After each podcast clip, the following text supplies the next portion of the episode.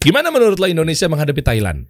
Ya kalau lihat dari semangat juangnya dari pemain-pemain muda ya kemungkinan sih bisa kita untuk juara pertama kalinya.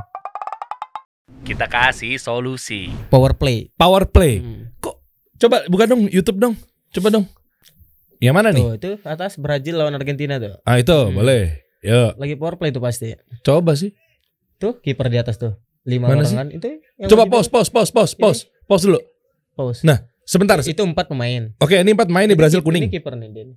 Lah? Ini kiper. Kata lu bajunya pakai baju kiper.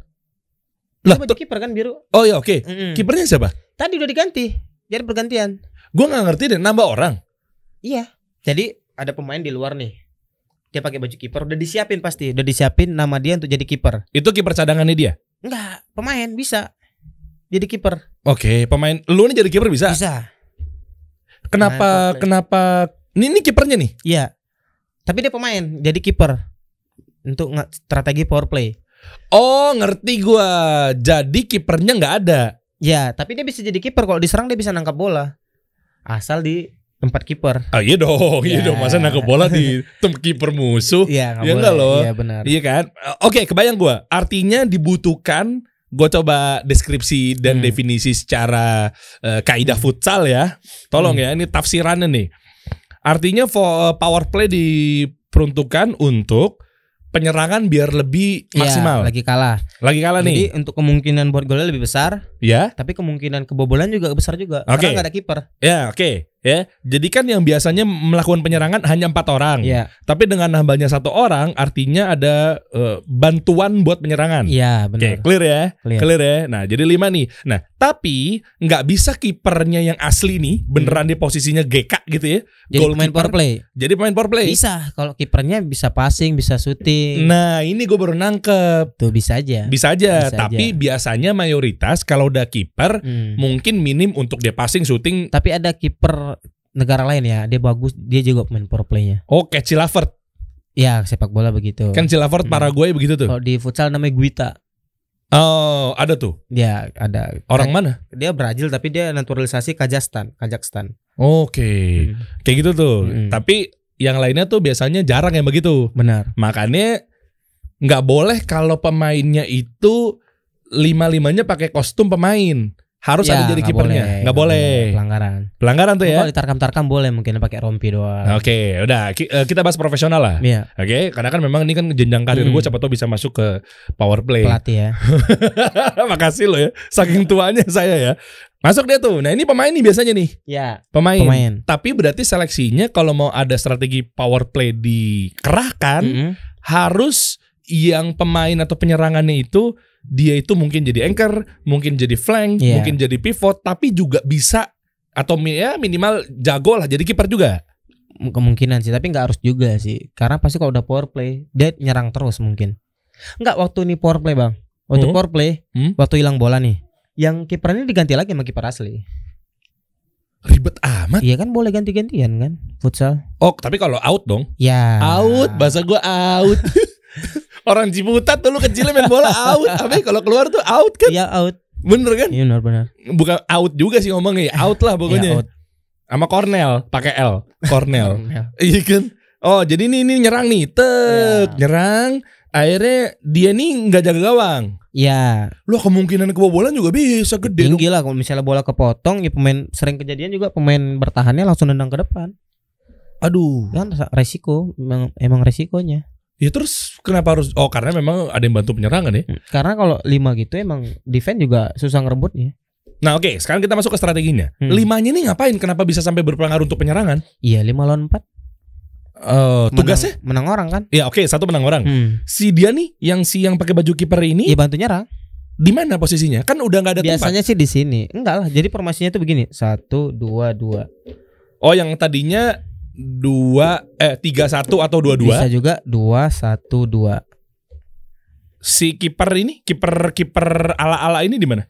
ya tergantung pelatih tapi kemungkinan dia pasti di sebelah sini biar per- pergantian nggak jauh Oh, ngerti gue. biar pergantian nggak jauh Berarti jadi flank Mm-mm. biasanya. biasanya Gue udah mulai tahu nih nggak? Siapa tahu kan gue udah punya klub kan bisa jadi paham. Jadi gue mainnya setiap pertandingan gue power play mulu. Kasih solusi FC namanya. Yoi, nggak ada kiper. Jadi kapan lo power play? Seterusnya. Bisa. Ada tim begitu dari awal dia power play. Oh iya, Ya ada aja. memang nggak ada yang mau jadi ki- resikonya resikonya besar. memang nggak mau jadi kiper kali pas gambreng. Karena power play lebih nggak lebih enak sih ya. Mungkin karena lima orang mungkin ya. Hmm, Oke, dia berarti jadi flank nih. Berarti harus kencang juga larinya nih. Iya harus cepet. Oke, pernah lo ngelakuin power play? Pernah. Gue kiper power play waktu di Famos pernah. Lo jadi kipernya? Pernah ya, pernah. Oh jadi lo lagi di Iya, itu sih juga kaget kok saya kipernya. di gitu. bench tiba-tiba Enggak. masuk. Enggak karena udah tahu pasti di tip itu ada dua atau tiga orang yang punya baju power play. Oh. Dibuatin. Nggak harus cadangan yang masuk ke dalam. Tapi yang main jadi pivot jadi pakai yang dipilih power play itu emang dari sebelum sebelum sebelumnya emang udah dipilih untuk tim ini yang poin power playnya ini gitu. Oh udah dibentuk. Iya kalau biar nggak ini kan biar dibuatin bajunya biar sama kayak kiper gitu. nggak harus dari cadangan yang masuk ya. Kalau udah jadi pivot jadi power play bisa. Bisa aja. Waktu itu lo gimana kondisinya? Ya emang disuruh jadi power play. Biasanya kalau nyerang ke sana tuh kan yang ke- kemungkinan yang di sini kan kaki kiri nih. Hmm. Ya pasti yang power playnya pemain kaki kiri. Hmm. Biar gantinya juga gampang kan. Karena Hmm. kalau di futsal itu yang kaki kanan biasanya berposisi di kiri, yang kaki kiri berposisi di kanan. Hah? Kok gitu? Iya karena kan biar gampang tekuk syuting. Bisa oh, gitu. ya nekuk pasti nikuk si- syutingnya pakai kaki kiri tuh. Iya, Oh iya benar. terus ngontrolnya juga enak kan kalau kaki kanan ke sini ngontrolnya lebih enak lah. Kenapa harus concong sih kalau main futsal tuh? Tendangannya. Mungkin biar cepat ngambil keputusan kan boleh cepat juga tuh kan kalau concong. Susah ditebak sama kiper. Tapi kalau di lapangan gede tuh kalau concong dikatain tuh, dicengin ya concong. Iya, Iya kan? benar. Kalau di futsal malah Di justru futsal kan sepatunya juga mendukung untuk concong kan tebel depannya. dan lo sering juga concong juga kan? Sering pasti. Eh, Concong bola bukan kaki lawan ya. bukan. bukan. Iya dong. Concong bola. Iya. Kalau saya mungkin ke leher lawan kayaknya. Kadang kaki ke mana-mana. Coba di play dong. Pengen lihat gue nih si power play ini gimana sih? Seru pasti seru. Coba ya, coba ya, dikit ya. Ini Brazil lawan apa sih? Argentina. Argentina. Oke. Brazil ketinggalan 2-0 kan power play kan. Oh, jadi biasanya tuh karena udah ketinggalan mau nggak Iya. mau strategi power play Power harus play. dikerahkan. Bisa jadi ngegolin, bisa jadi jadi blunder kebobolan juga. Nah ini gue belum tahu nih hasilnya. Ini 4 menitan lah. Oke lah kita tunggu bentar ya. Dicepetin Jadi- bisa gak sih Ini sih? jadi 1-2-2 kan. Tuh, Oke. Oke. Set. Oke. Ini lu sambil komentarin deh. Gue pengen tahu nih. Jangan. Live commentary. Oke. Tuh. Oke. Tuh. Dia golin loh. Golin kan. Dia golin loh. Hey. Ternyata power play ngaruhi banget Ngaruh ya. pasti. Dia golin loh ternyata. Ngaruh, ngaruh pasti kalau pemainnya bagus-bagus pasti ngaruh. Kaget kok. Gue pikir cuma tim hore. Namanya Brazil kok tim Hore. Iya bener. Golin loh si power play ini nih. Apa sih penyebutannya betul jadi strategi apa posisinya dia nih? Hah? Posisi kiper ala-ala ini. Tuh dua sama langsung. Langsung dua sama loh. Sengaruh itu ternyata. Pasti pasti. gue mah power play mulu gue kalau main. Oh iya nggak capek. Heeh, nih dia nih. Oke, baju hitam nih ya, kiper ala-ala. Oh dia nggak nggak turun-turun dan Iya memang gitu nggak nggak nggak bakal turun. langsung tiga dua. Nggak, ini yang dua sama tadi. Hah? Yang dua sama. Oh, lu Biasa kalau udah seri empat lawan empat lagi bang. Eh, empat lah. Kalau udah seri biasa Coba, coba. langsung. Coba nih. ya. Set. Ini yang tadi lagi. Oh ini replay nih. Iya. Oh ini diulang-ulang videonya. Oh ini power play lagi dia. Oh enggak 21 masih nih. Ini diulang-ulang videonya nih. Iya diulang-ulang. Oh dia nggak turun-turun dan. Emang. Kalau turun justru nggak boleh. Hah? Kok udah di depan gini. Dia ngelewatin garis yang sana nggak boleh megang bola lagi. Itu Kenapa? peraturannya peraturannya. Oh emang ini peraturan. Iya itu peraturan. Oke basket ya. Ya benar. Oh gitu. Ih ngeri banget lo kosong lo ini gawang. Emang resikonya. Iya iya iya kalau memang tetap ada kipernya yang bukan po- power play dong ya. Nah yang gini nih bahaya nih kan bolanya hilang tapi nggak tapi dapat ini lagi si Brazil lagi. Kok ini masih 2-1 dan tadi bukan udah golin? Iya, diulang-ulang mungkin bang. Eh, oh tadi highlightnya kali ya. Oke oke. Ini gue penasaran. Bentar ya guys ya kita nonton bareng-bareng dulu ya. Oke. Si ini nih flag nih ya. Ya No flag juga tuh. Belum tentu. belum tentu juga bisa jadi angkor. Kalau futsal sih dia bisa di mana aja sih bang. Kalau futsal modern. Oh dia di depan banget sekarang jadi pivot Iya dia. sekarang di depan dia. Si kiper ala-ala nih, kiper Nah, bayangan kalau nih. play dia harus gerak terus nih. Bolanya harus jalan. Oh capek ya. Tuh dia nggak dioper-oper Di- kesian. defend defendnya sih yang capek. Tuh. Nah, Oh, gini kiper- oh balik dia balik kipernya. kan, ganti, oh, ganti kiper. Kalau goal kick Mm-mm. balik. Dia jadi kiper tuh. Iya kalau dia nggak cepet bisa jadi langsung dilempar bisa gol kan? Lempar tendang. Enggak, futsal nggak ada tendang kalau kiper lempar. Oh, kipernya. Iya, iya. Bisa langsung gol ya masuk ya. Enggak ng- ngoper ke lawan lari temennya lari. Oh, gue pikir dari Justru kalau ditangkap kipernya nih, kipernya nangkap, kan ada kiper bisa tendang gol. Oh Itu iya. bisa tendang. Nah ini golnya nih kalau nggak salah. Oh, coba coba coba. Gue pengen tahu nih. Dan dia udah nggak baca posisi banget tuh si kipernya tuh. Oke, tek, tek. Brazil emang nih. Bus, oke. Oh, emang dia pemain dan. Iya pemain emang bang. Iya kiper. kata Saidan nih. Oke tak tak. Oke. Ngeri banget. Oh langsung buru-buru balik Tuh, dia nih. buru-buru ya kalau nggak bisa kebobolan. Ada nggak power play yang kebobolan? Sering lah. Enggak maksudnya videonya. Ada mungkin. Coba dong cari dikit lagi dong Kesalahan teman-teman. power play mungkin ya. Iya coba deh. Nah Nih. nih nih, nih. coba gedein gedein.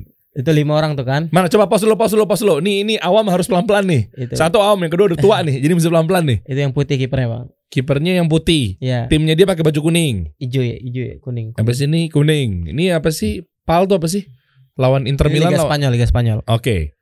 Nah kipernya pakai baju putih nih ya. Alma Futsal lawan Inter Movistar. Oke, berarti kuning nyerang ke atas nih Iya, kanan ya. Oke, yuk yuk mulai.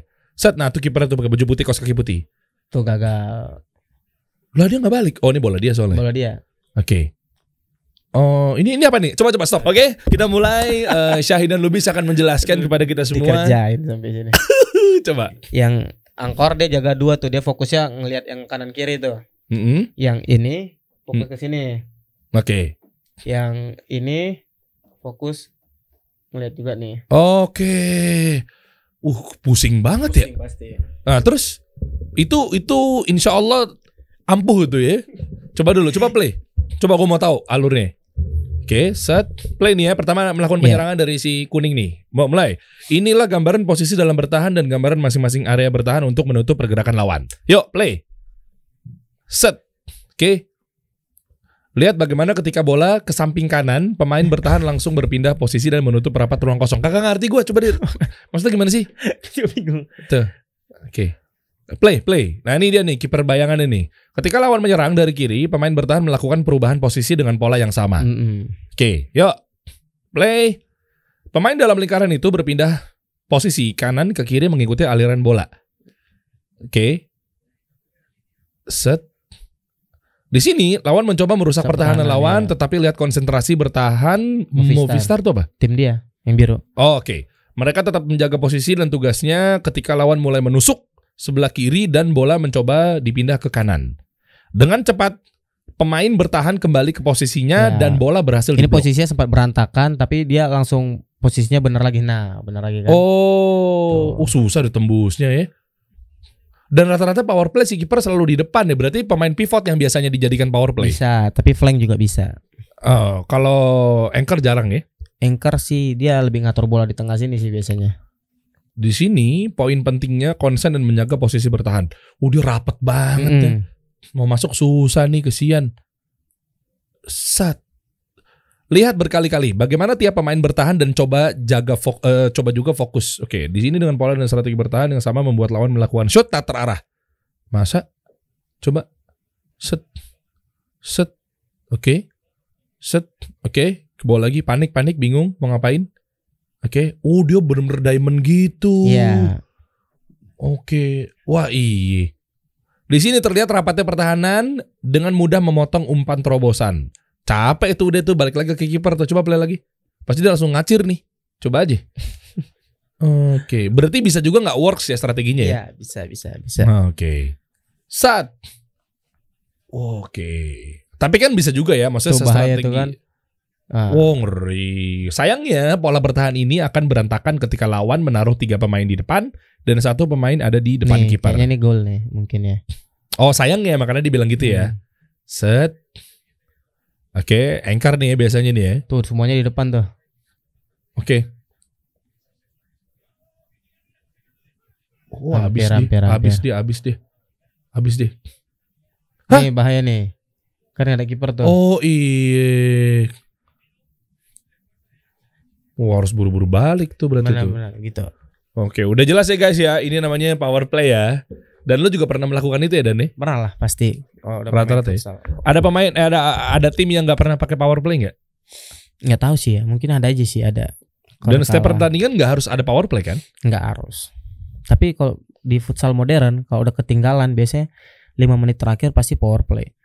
Karena bantu penyerangan lima orang. Benar. ya. Itu kemungkinan golnya juga lebih ini kan. Karena gambling daripada kita mau nyari gol nih, ya udahlah nyari gol.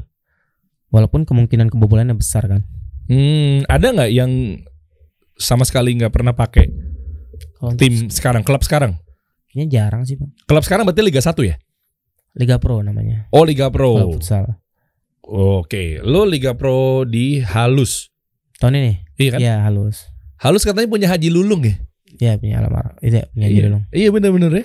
Itu Rahimahullah. anaknya anaknya yang punya. Anaknya Haji Lulung. Mm-mm. Oh, masya Allah. Berarti lu kalau main dapat pakaian di Tanah Abang nih.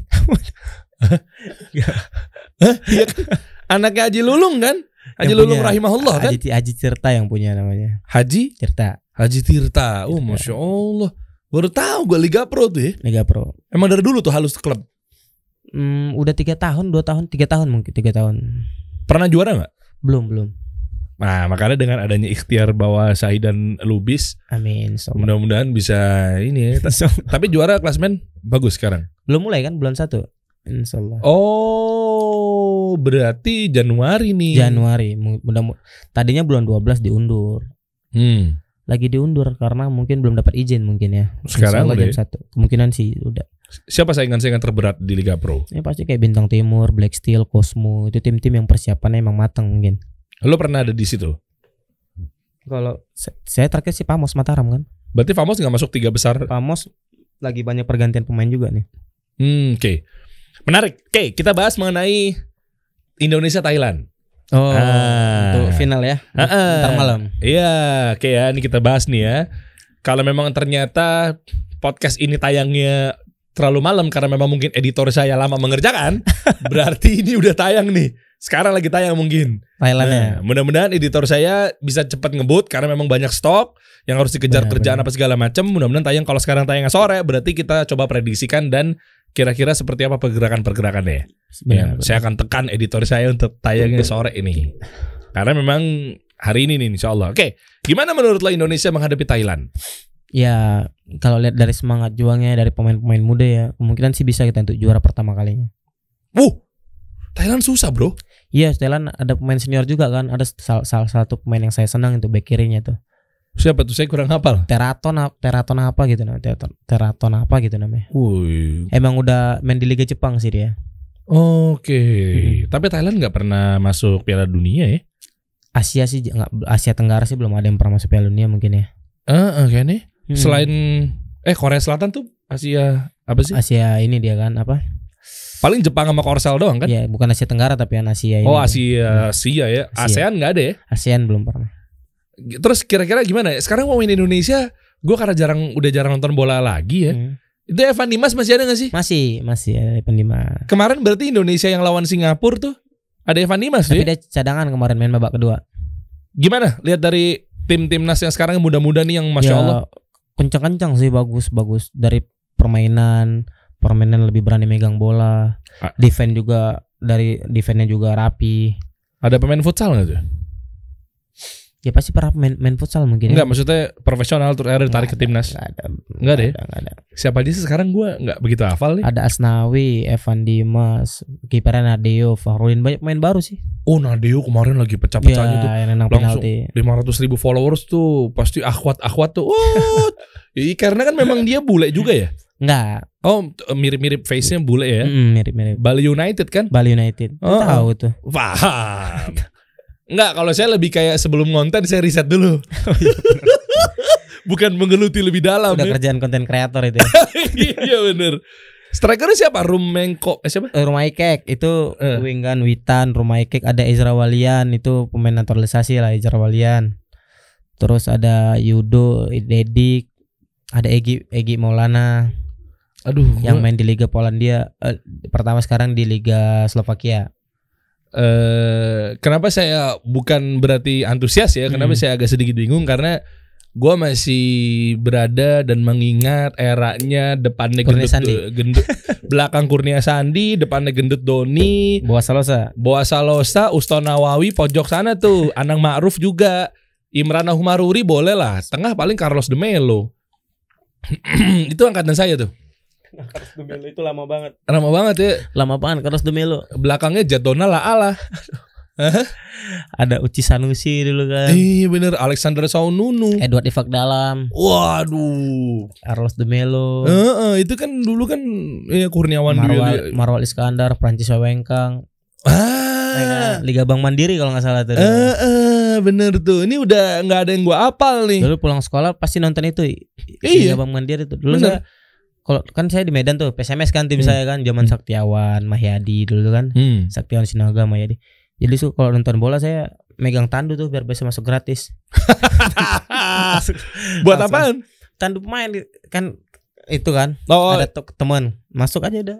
kalau buat cedera ya. Iya itu yang tandu itu saya masuk udah masuk nonton gratis. Dulu sempat rusuh kan sampai dikejar anjing pelacak dulu tuh di Medan. Sendal ketinggalan naik angkot. Enggak pakai sendal nyeker. Iya, Kurniawan dulu sempat di PSM Medan ya. PSMS pernah, pernah. PSMS sorry. Pernah Iya PSMS. kan. Angkatan gua tuh. Dia pernah di PSM Makassar, pernah di PSMS Medan. Eh, soalnya dulu AFF yang gue tonton kalau nggak salah pas kita menang lawan Singapura juga ya. Dulu yang, masih ada Gendut Doni itu angkatan pernah berapa tuh? pernah lawan Malaysia mungkin enggak? Eh Malaysia apa Singapura? ya? Malaysia. Kurniawan golin Eh, eh, yang sempat ketinggalan kan bukan? eh, eh, iya ya, lupa ya. Yang ada Karis Yulianto. Gue nonton di Senayan di GBK Oh, mungkin mungkin. kalau nggak salah. Dulu yang Piala Asia juga di GBK kan yang Lupa lawan gua. Arab Saudi, Eh, eh. lawan Bahrain yang menang tuh main pertama. Iya iya iya. Tapi iya. kalah lawan Korea Selatan sama Arab Saudi. Oke. Nah sampai akhirnya ya udahlah. Sekarang Udah banyak- jarang ngikutin bola. Udah jarang gue. Udah fokus nyari duit. Hmm. Sama lu juga pasti fokus nyari duit kan? Benar lah, benar. Iya kan? Ada banyak tanggungan. Heeh. iya. Benar. Iya kan? Benar. Anak udah tiga ya udah. Kewajiban laki-laki kan. Oh iya. Sama kan lu katanya juga lagi thrift shop dan Ada lain-lain. ada thrift shop thrifting. Ya, thrifting dan lain-lainnya kan Hmm. baju-baju bekas yang memang kualitasnya luar biasa. Iya. Kita bahas deh. Kenapa tiba-tiba lo jadinya sekarang fokus? Sekarang berarti fokus lo tiga ya dan lu nggak pusing ya? Cek kayak gue nggak sibuk aja. ya. Tiga nih misalnya. lebih banyak padahal. Lu futsal, Hmm, ngantor, Iya, bisnis. iya. Jadi pulang kerja kerja lagi biasanya. Anda kejar dunia ya? Enggak sih. Salah lagi. Kan itu ini juga kan kewajiban. Jadi pahala juga kerja nyari nafkah. Oh iya, kehitung tuh ibadah ke tuh. situ ibadah. Bisa ya ngelesannya. Ah, iya iya iya. Oke oke. Sebenarnya fokus lu mau ke mana sih Dan? Ya itu thrift shop kan dari hobi aja kan. Apa thrift shop yang lo jual? Jaket-jaket begini. Varsity gini? Varsity. Tapi keren sih. kayak. MLB, NFL, NBA gitu-gitu. Oh iya. NFL, N- iya NBA gitu. Coba coba coba kasih tau gue deh. Gimana cara bagi waktunya dan gimana cara tips and trick ngejalaninnya? Kan Kalau yang lo fokus berarti apa nih dari tiga nih? Futsal udah katanya kan udah gak mau perpanjang nih. Fokus lah. Futsal fokus juga. Iya, biar, biar diperpanjang nih cari aman deh. Tadi offer nggak gitu? Kalau nggak fokus saya nggak main futsal lagi dong. Itu bakal panjang berarti. Iya, masih 100% lah. Wih, aman nih jawabannya dia nih. Tadi kayaknya offer nggak gitu. Oke. Lanjut. Iya. Oke, futsal 100% kan? Ya. Berarti nggak akan cabut ya? Ya. Tahun besok nggak akan cabut ya? Insya Allah masih Masih. Oke. Lanjut. Berarti bagi waktu sama ngantor. kantor. Ngantor di anak perusahaan tambang emas. Ya, bagian gedung lah, building. Wih. Jadi yang mau nyari-nyari tempat space buat kantor bisa tuh di kantor saya tuh. Oh iya. Iya, Berarti bisa dong kantor gua kan misalnya nanti udah insya Allah udah gede bisa pindah ke bisa di PT Menara Antam Sejahtera. eh eh, Hmm. sampingnya tuh kan ada gedung baru tuh. Ya, di gedung baru itu tuh. Oh itu. Itu bagian pengelola gedung baru itu. Lo yang punya gedung ya? Ya, kantor saya dong, bukan saya. Oh masya Kalau saya yang punya gedung mah saya Nggak, beli klub futsal. udah gak main futsal lagi ya. Bener. Iya terus terus. Udah nggak jual jaket bekas lagi. eh tapi jaket bekas thrift shop tuh lagi kenceng juga loh. benar, benar, benar. Iya loh. Ada musimnya sih, kita harus bisa baca situasi juga. Nah ajarin dong. Misalnya kemarin tuh lagi ngoreng lagi rame naskar. Jaket naskar sama baju naskar tuh rame. Naskar ini. naskar yang dulu vintage yang tahun 90-an ya. Oh iya iya iya. iya. Iya, itu. Oke berarti Sempat harus. rame harga sampai juta-juta-jutaan kan. Oke terus. Ya itu ya pokoknya siapa aja artis ada yang make jaket itu bisa jadi mahal gitu barang. Oh Bisa. naik valuasinya. Kayak influencer lagi make apa gitu. Hmm oke oke. Kemarin tuh naskar sempat Jejo tuh yang make itu. Ya Jejo kan sedang juga dia baju kayak thrift-thrift jaket thrift gitu kan. Jejo tuh USS. USS Fits. USS ya. dia kreatif Fox juga gak sih? Kemarin tuh kan ada yang Urban Sneaker Society. Eh, dia yang juga di ya. JCC. Eh. Iya, itu kan ada thrift thrifting yang sekarang ada tempatnya apa Jakarta bang abang bang dari kemarin ke mana ke sana Oh, Jack Lot. Jacklot sekarang kan Jacklot di situ kan di Iya, JCC. Jacklot. sebelumnya tuh USS tuh Oh ya, Jejo lumayan trendsetter eh bukan Hmm. trendsetter ya, istilahnya apa ya? dari fashion gitu ya Role model lah Hmm. dan lain-lainnya gitu ya.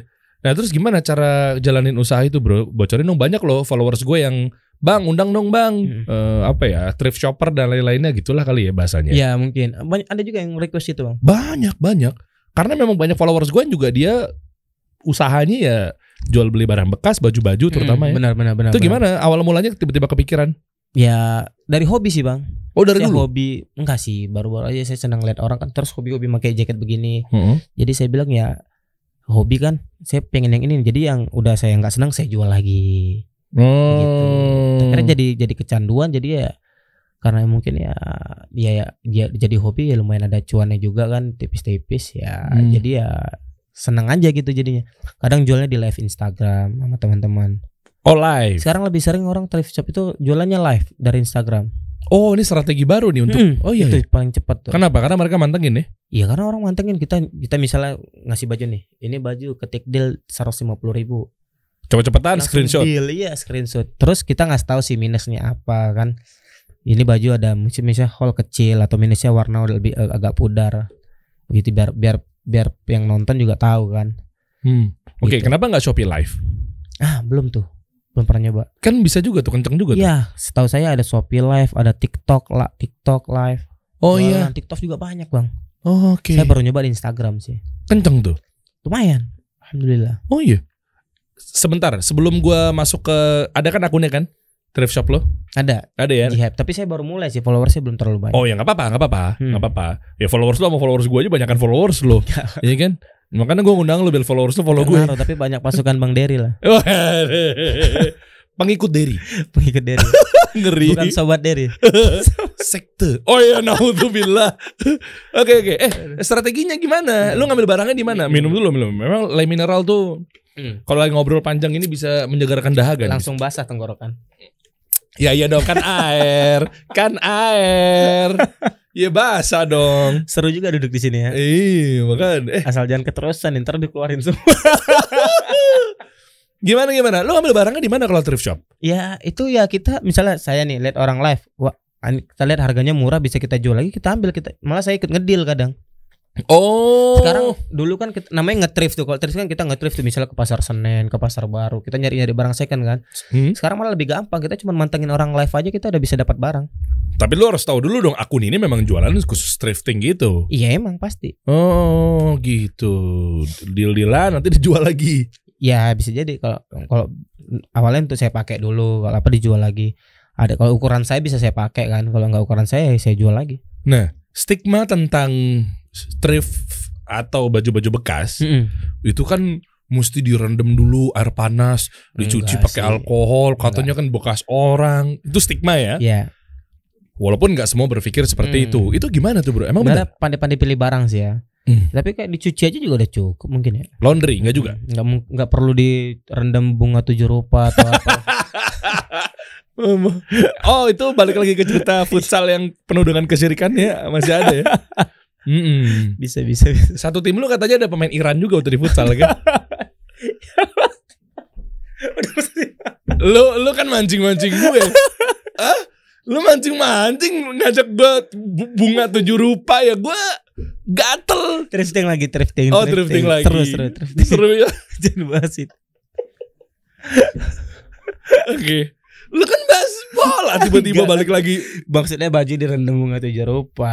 Ya kan kalau ngomongin kesidikan kan nanti inget gue waktu cerita Mungkin- kita off mungkin aja di thrifting ada kesirikan ya. Oh bisa juga. Bisa aja. Biar bajunya laku. Iya. Oknum-oknum gitu ya. Iya. Oh, tapi gimana kabar teman lu satu tim yang dari negara Iran? Iya bagus kan juara kemarin kan. Hmm. Iya, iya benar. Iya, ikut sholat Jumat waktu itu. Jadi itu di off air aja kita ngobrol. Oke, stop di situ ya. Stop di situ ya. Oke. Katanya lu ngeliat batu. Enggak di drifting, di drifting. Banyak lah kalau di jalan Eh? batu aja, tapi nggak buat sholat kan.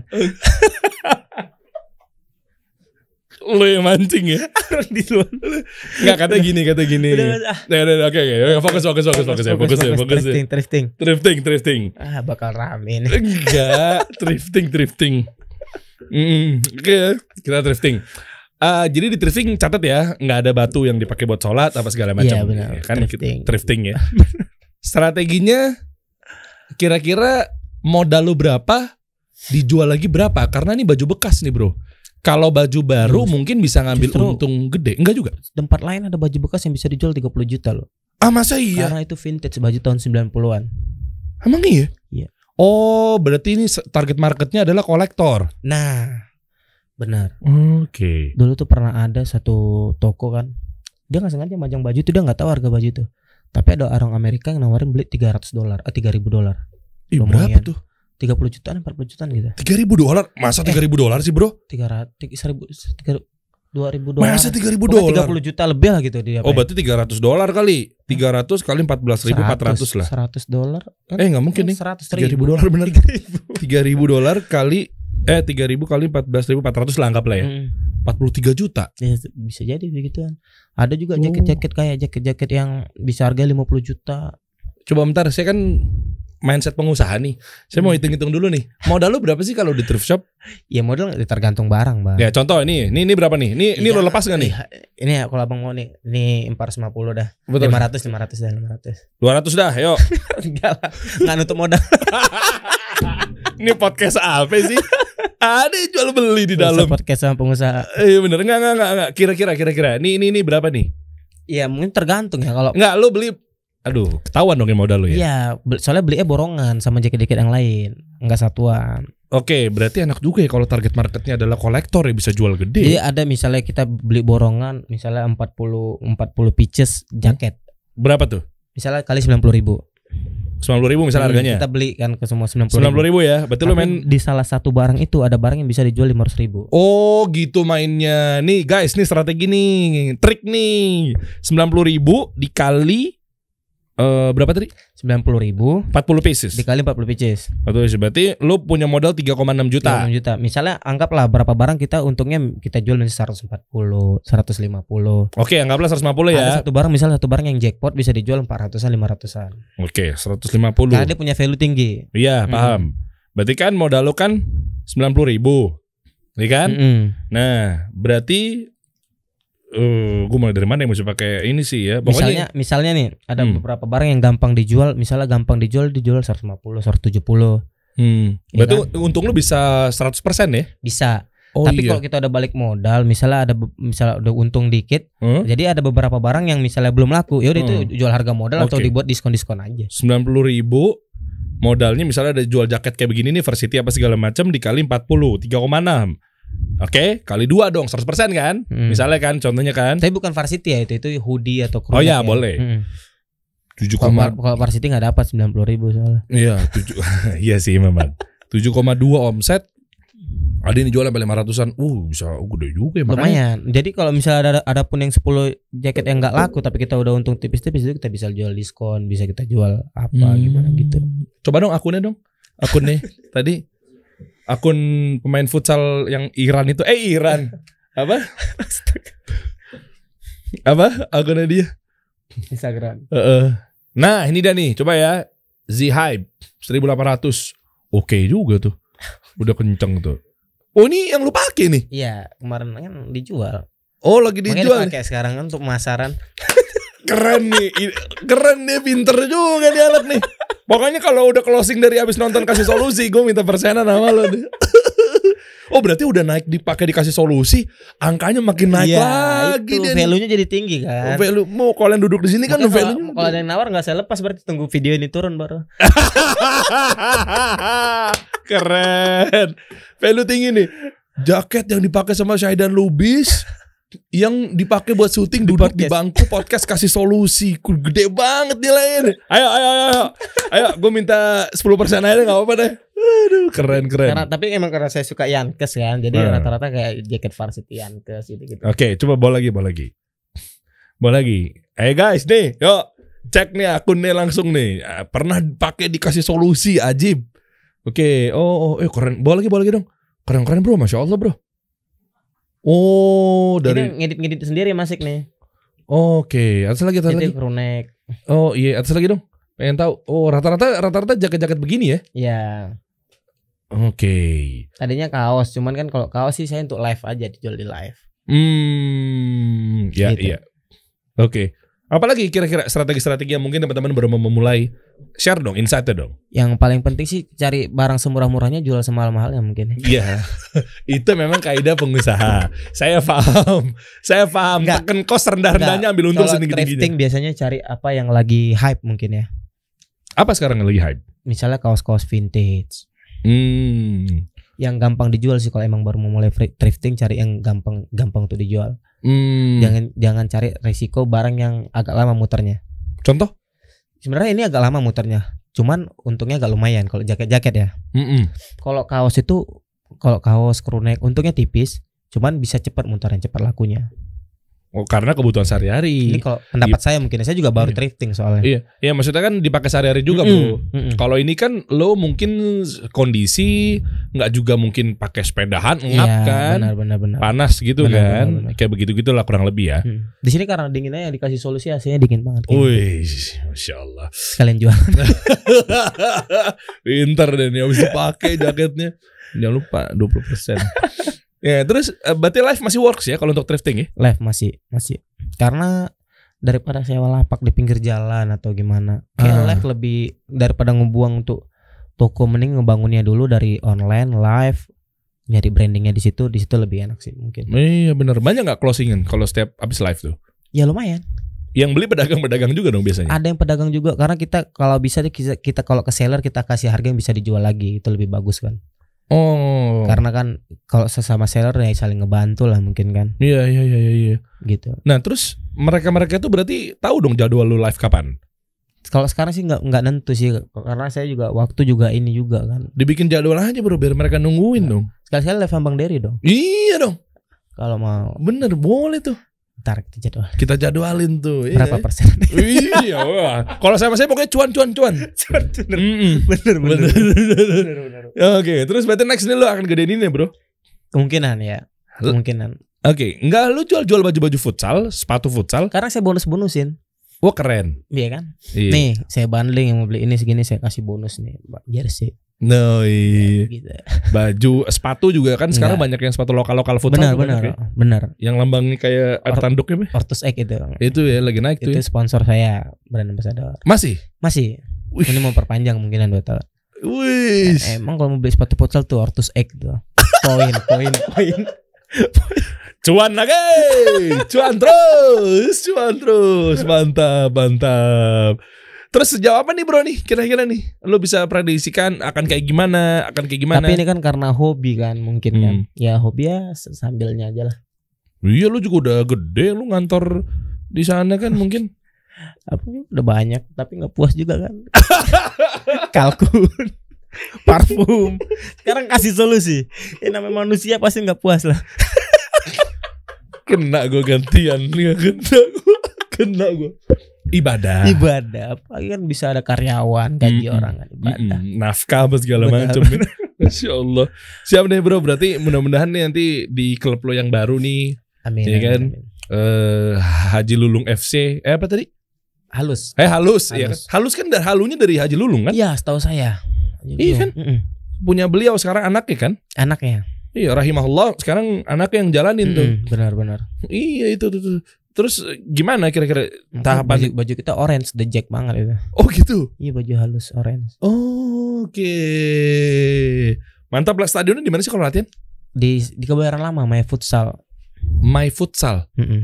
Eh Cidodol, gua tahu Cidodol. gua. Oh iya. Cidodol kebayoran lama. Iya iya benar benar benar. Eh yang dulunya goals bukan sih?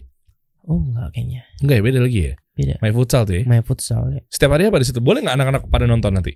Teman-teman. Setiap hari hampir setiap hari setiap pagi jam pagi jam dari jam 8 sampai jam 10. Terbuka untuk Oke. umum untuk nonton kan boleh aja kan? masalah sih. My Futsal Asal setiap rame-rame aja. Iya, My Futsal jam berapa sampai jam berapa? Jam, Jam 8? 8 sampai jam 10. 10 pagi Hmm. setiap hari? Biasanya sih setiap seminggu 5 6 kali sih. Oh. Nggak tentu kadang. Ya lu pantengin aja lah pokoknya lah ya. Iya, benar. Ada di situ tuh. Siap, Bro. Siap. Nanti kita kolaborasi kolaborasi yang lainnya ya. Siap, ya. benar-benar. Iya, salam nih sama teman-teman yang ada di sana. Siap. Uh -uh, sama pemain bola Iran tadi tuh salam. Di pas. Uh -uh. Bilang sama dia. Main bola bawa sepatu jangan bawa batu. Jazakallah keleker, Bro. Iya, kita kasih solusi.